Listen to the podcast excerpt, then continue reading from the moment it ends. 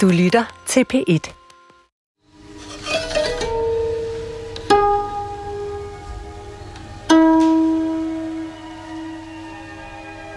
Der var rigtig mange piratangreb dernede på det tidspunkt. Udelukkende, hvad vi hørte om på store skibe. Så jeg tænkte, hvad er chancerne? Altså, det lille skib i det der kæmpe, kæmpe store ocean. Der er hundredvis af sejlere, der stadig sejlede dernede. Og hvad fanden skulle de med sådan en lille båd? Der havde lige været et piratforsøg på en øh, amerikansk båd.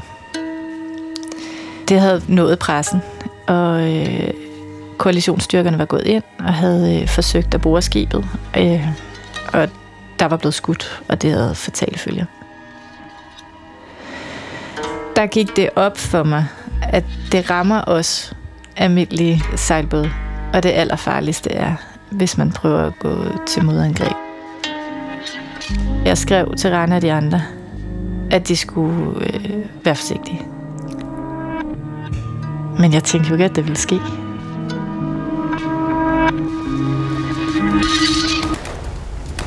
så hører man sådan en da, da, da, da, hen over øh, båden. Som jeg husker, da det startede med at være tre unge mennesker, høje, tynde, ranglede, alle sammen bevægnet.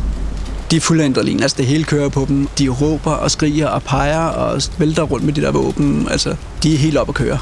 Vi kan ikke gøre noget her. Altså, der, det er kun at holde hænderne over hovedet og prøve at lade være med at gøre noget dumt. Rane befinder sig på sejlbåden Ing i Adenbugten.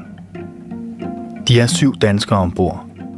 En familie og to gæster på vej mod Oman, hvorfra Arane skulle rejse hjem til sin kæreste Marie.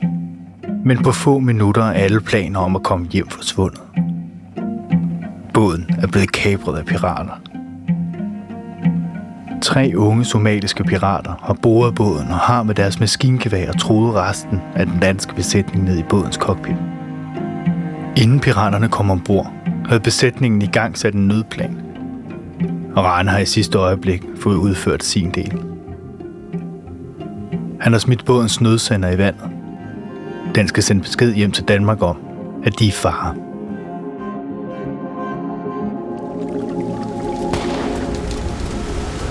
Der er totalt kaos. De, de er de her tre gutter med automatvåben, og de har lige, de har lige skudt et par salver op i, i luften og han kommer ned og, og kender mig ligesom ned i, i båden, råber og skriger og peger ud mod vandet. Og, og det er så åbenbart den der nødsender, jeg har sendt afsted. Han, jeg ved ikke, om han har opdaget den eller et eller andet. Øh, men i hvert fald, han er meget, meget sur. Og, og hvad hedder det? Og, og kender mig ned i båden med, med den der øh, Kalashnikov der, og råber og skriger og peger på den der radio der, øh, VHF-radioen, der skrætter, og og jeg, jeg tænker, hvad, men, jamen, jeg ved ikke, hvad den vil have. Øh, så, så jeg tager simpelthen VHF-røret, som man normalt snakker i, og så hiver jeg den ud af radioen, sådan så den, den virker ikke mere. Så bliver han så endnu mere sur. Det, han nok har ment ham, piraten, det var, at jeg skulle have kaldt op og sagt, at, øh, at vi er kabret, og de ikke skal angribe, øh, hvis der kommer nogle styrker. Men, men her, i kraft af, at, øh, at det foregik i enden af et våben, og på somalisk, så var det svært at forstå, at det var det, han ville. Jeg er rimelig vidshed om, at nødsenderen i hvert fald har sendt besked. Jeg er også ret vidshed om, at der er nogen, der ved, at der foregår et eller andet, der ikke skal foregå. Men der er jo ikke vidshed for, at de ved, at vi alle er okay. Eller hvad der er, der foregår på selve båden. Det er der jo ikke vidshed for.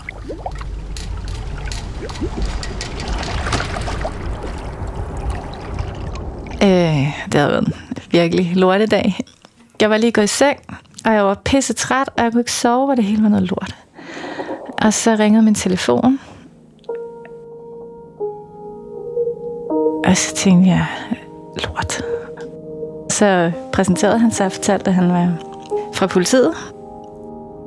Og så sagde han, at der var blevet øh, opfanget et nødsignal fra Inge. Og at de formodede, at de var blevet kæbret, og de kunne ikke skabe øh, kontakt til skibet. Og så hørte jeg ikke så meget mere. Altså, der var tomt op i hovedet i sådan et par minutter. Og så øh, prøvede jeg bare at forholde mig til det, uden at kunne forholde mig til det, fordi altså, jeg tror, jeg gik i sådan en praktisk mood, hvor at, at, at det er jo måske også det der med at spørge ind til, øh, hvad det er for nogle flødefartøjer, der ligger omkring, om man kan risikere, at de prøver at angribe. For jeg havde jo den der historie om det amerikanske par, sådan øh, rimelig frisk i erindringen. Og jeg vidste jo godt, at pirater i angreb har tykket alt for meget kat, øh, og de har alt for mange våben ombord. Og det vil være alt for farligt på sådan en lille sejlbåd. Men ja, da han sådan ligesom havde øh, beroliget mig med, at det ville ikke ske, så fortalte han, at øh, han ville ringe igen senere med tid og sted. Og så skulle vi samles den efterfølgende dag. Alle os familier til hele besætningen. Og så ville vi tage den derfra.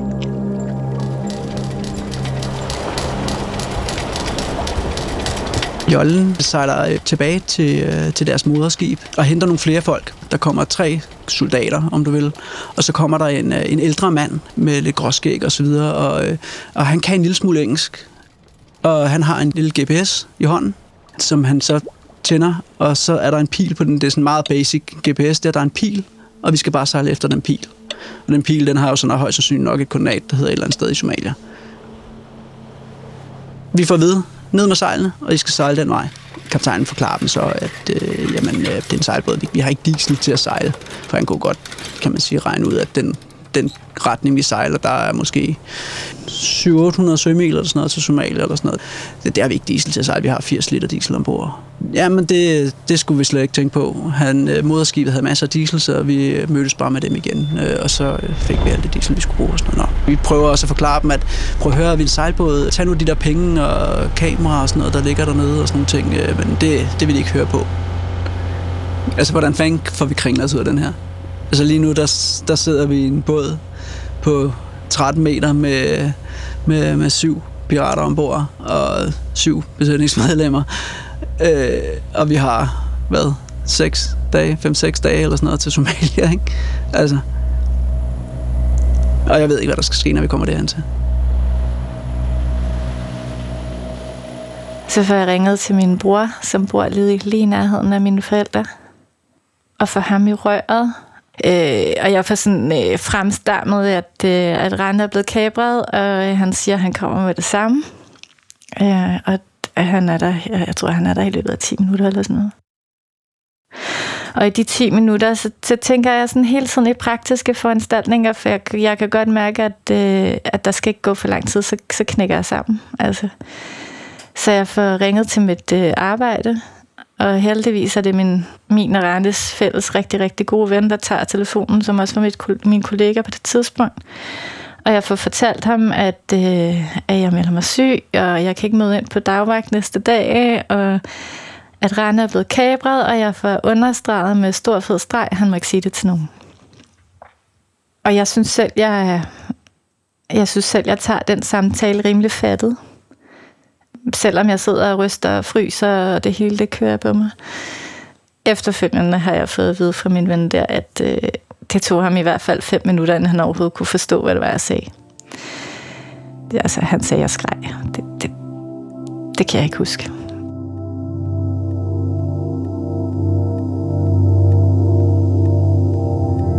Så kommer min bror, og så er det faktisk, det er faktisk først der, jeg kan slippe. Og så græder jeg jeg græder, jeg græder, jeg græder. Og så kigger vi lidt på hinanden, og så kan jeg huske, at vi tager sådan et øh, politikens øh, verdensatlas frem, og prøver at pege Adenbugten ud, og ligesom altså, for at prøve at få nogle billeder på det hele, og, og finde hoved og hale alt det der. Og, øh, Så ringer telefonen bare på kryds og tværs, og jeg ringer på kryds og tværs til Randers familie og til min familie, Altså, og så kan jeg huske, at min mor kigger på mig på et tidspunkt, og siger hun, du bliver nødt til at få noget søvn. Og så lægger mig op i hendes seng, eller i deres seng, og jeg tror, jeg får 3, 4, 5 dyner over mig måske.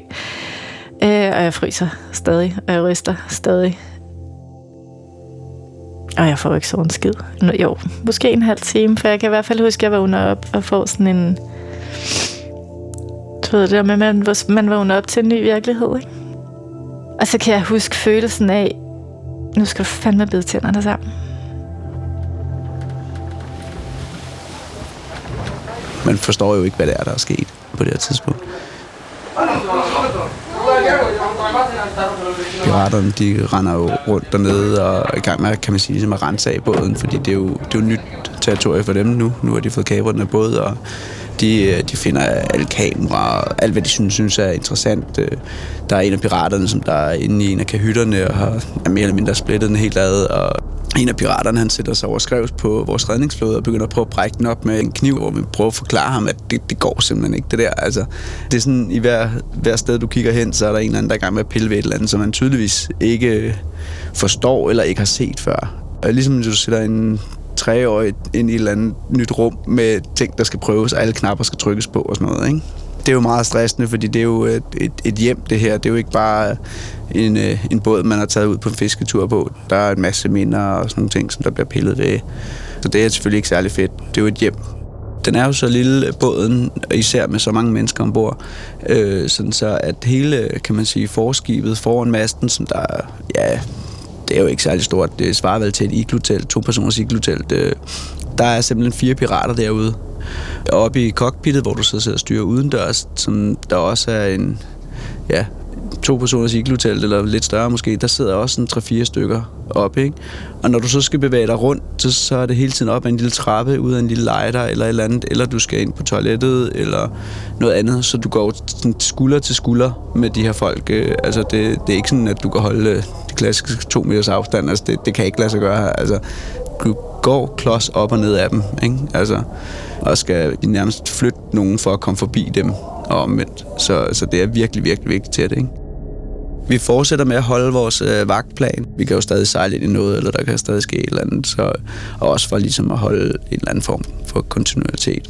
Men det, det er ikke særlig sjovt. Altså, de, de sidder en 3-4 stykker der, og de har jo skudt på gøjen, og de, de sidder bare og snakker og hygger sig. Men, men altså, de sidder jo, hvad, en armslængde fra en. Ikke? Det er da nogle lange, to-tre timer, man har vagt midt om natten, hvor man egentlig bare har lyst til at være et meget andet sted. Der er så flot stjernehimmel. Altså det, det er flot, flot vejr, øh, men man kan jo ikke lade være med at tænke på alle dem derhjemme, og hvordan skal det her nogensinde blive normalt igen. Hjemme i Danmark har Marie ikke en chance for selv at komme i kontakt med Rane. Alligevel sætter hun sig næsten dagligt og skriver usendte breve til ham. 28. februar. Hej skat. Jeg mister pusten. Alt går for stærkt, men tiden går for langsomt. Jeg har tænkt mig at skrive til dig om dag nummer et, efter alting blev nulstillet. Og du og jeg er kommet med i en rigtig dårlig film. Der blev holdt et krisemøde for os alle. Alle os, der er i familie med alle jer. Allerede ved porten blev vi mødt af verdens mest professionelle folk, og da vi kom ind i mødelokalet, tænkte jeg bare tak. Tak, fordi de tog det her dødsens så alvorligt. Fordi de havde tjek på det, og fordi jeg kunne læne mig tilbage, lytte til, hvad de sagde, og ingen forventede af mig, at jeg skulle have styr på noget som helst andet, end at jeg bare gerne vil have dig hjem igen. Koste hvad det vil. Vi valgte Skibers bror til at stå i spidsen for forhandlingerne. Det er en svær beslutning. Hvordan skal vi nogensinde kunne gengælde det? Hvordan skal jeg hjælpe ham med at bære den byrde? Det er jo menneskeligt. Men det er det eneste, der giver mening. For skipper er nu engang skipper, og en bror er en bror. Og kvinder gider de nok ikke forhandle med. Det er en mærkelig følelse at sidde der og kigge på mennesker, man slet ikke kender, og vide, at de også har en bror, eller søn, eller søster, eller fætter, eller kusine i samme fuldstændig håbløse situation som mig med dig. Men jeg kan jo ikke sige noget, der kan trøste dem. Jeg kan kun bide tænderne sammen. Jeg kan huske, jeg spurgte, om I mund kan holde hovederne op på hinanden. Og så græd jeg. For det skal I kunne. I skal. I skal. I skal. Vi fik at vide, at det hele nok skal gå, men at det kommer til at tage noget tid. Den besked gad jeg rigtig godt give videre til dig lige nu. Det skal nok gå. Vi skal nok få jer hjem. Men skat, du må forberede dig på, at det her det kommer til at tage lang tid.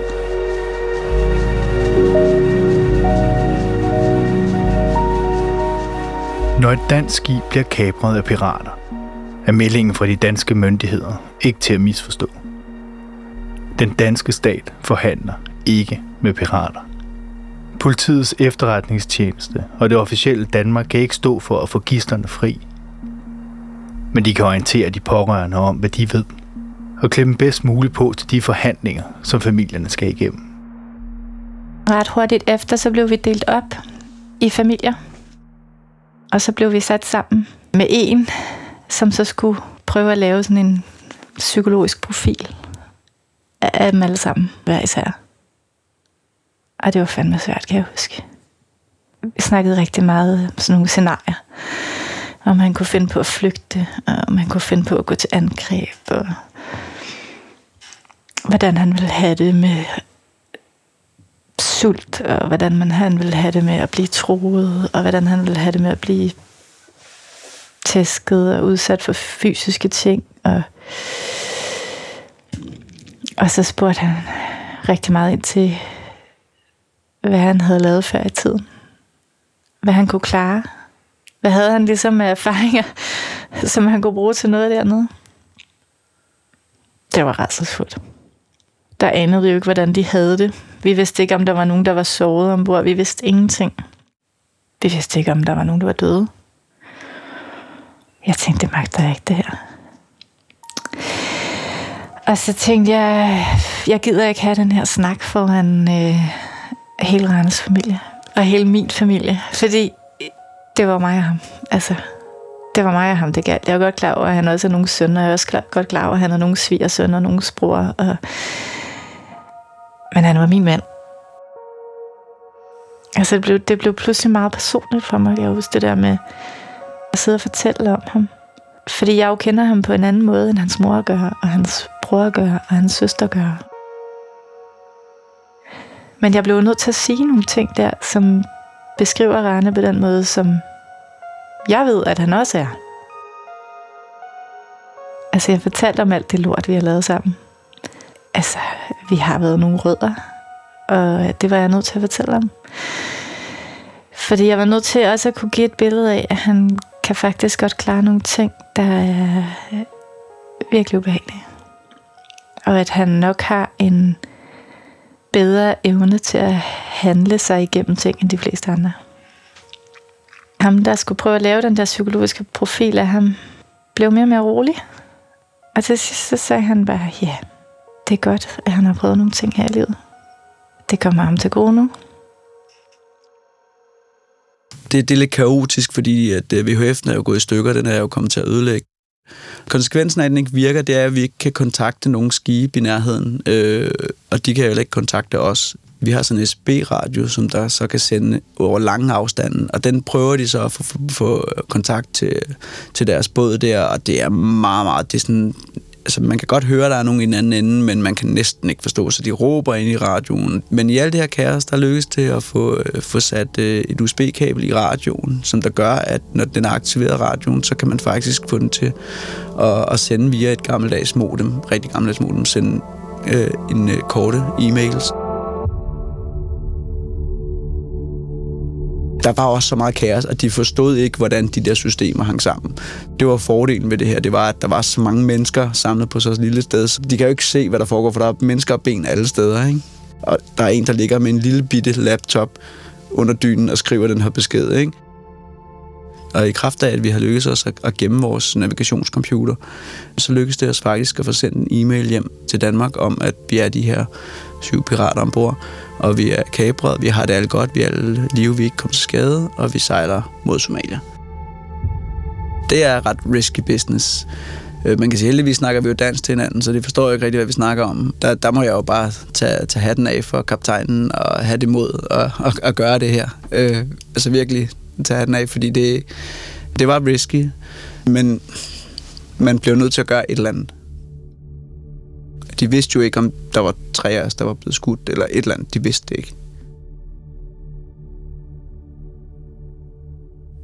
Det lykkedes dem at sende en mail, hvor de skriver, at øh, de er blevet kabret, og de har kurs mod Somalia, og alle er ok.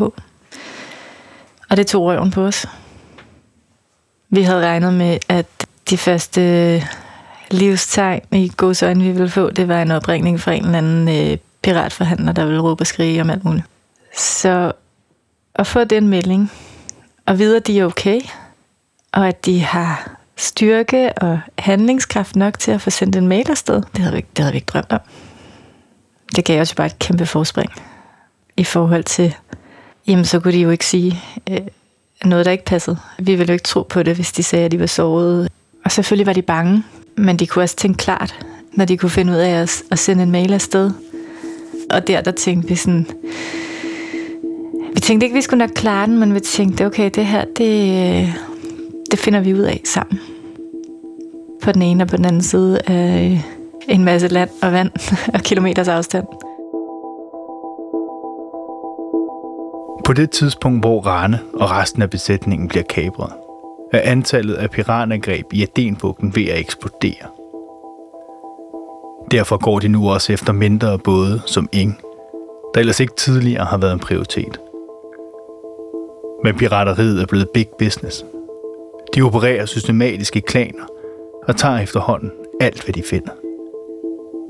Når piraterne kaprer et fragtskib, beholder de gislerne ombord på skibet og frigiver både besætning og skib, når løssummen er betalt. Men med de danske gisler ombord på en klemt sejlbåd, er piraterne i tvivl om, hvordan de skal gribe det an.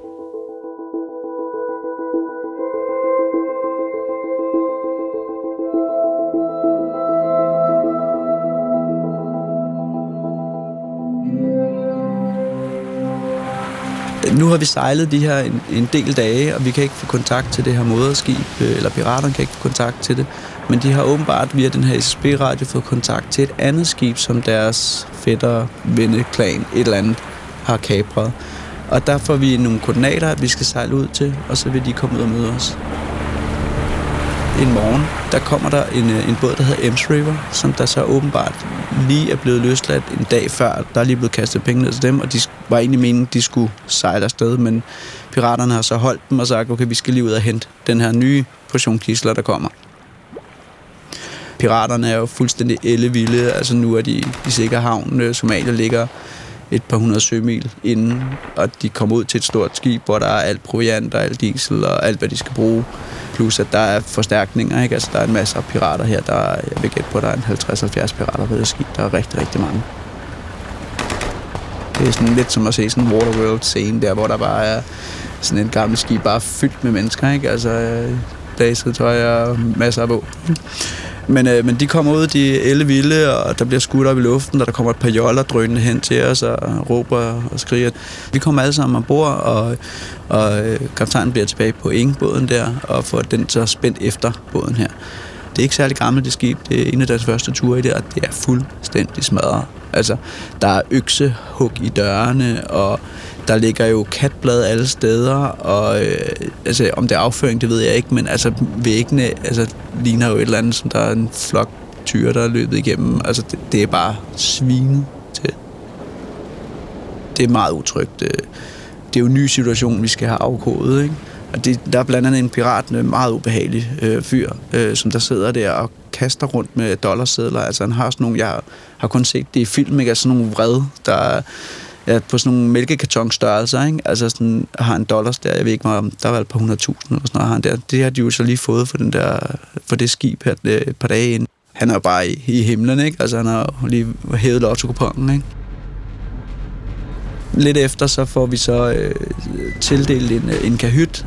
Der er en lille briks.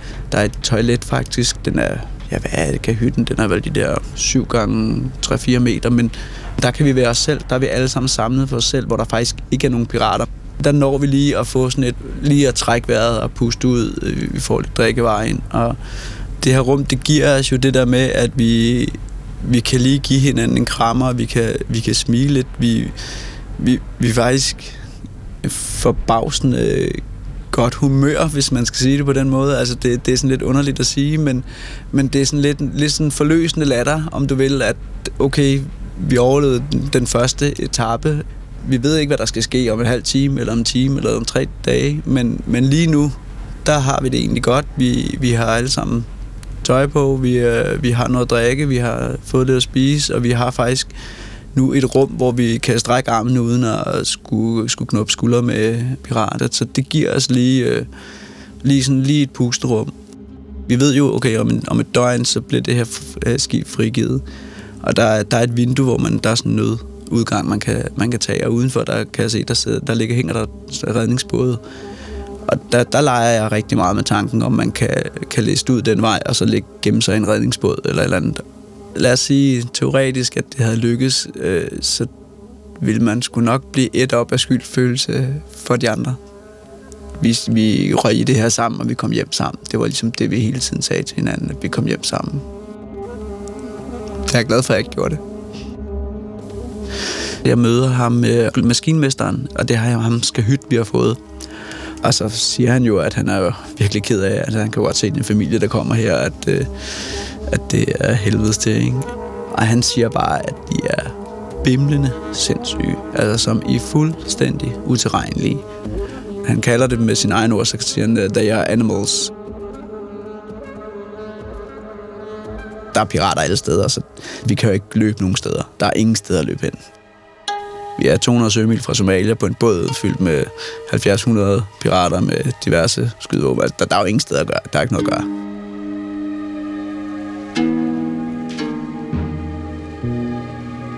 Altså på det her tidspunkt, øh, der har jeg jo ikke engang nået at snakke rigtigt med ham om, at vi skal være forældre. Og jeg er omkring 11 uger henne, og han skal være far. Du har lyttet til Kabret, del 2 af 6. Marie venter deres første barn. Hun nåede kun lige at fortælle Rane nyheden, inden han sejlede fra land og ud mod Adenbugten. I næste afsnit kommer Rane og besætningen til Somalia. Deres tid som gisler er først lige begyndt. I Danmark forsøger Marie og familierne at etablere kontakt til piraterne. For nu vil de have gang i forhandlingerne. Programmet er tilrettelagt af Amanda Bøjvid. Lyddesign er Frederik Bækgaard Ludvigs, og serien er produceret for DR af Beam Audio Agency. Mit navn er Emil Midi Eriksen. Gå på opdagelse i alle DR's podcast og radioprogrammer. I appen DR Lyd.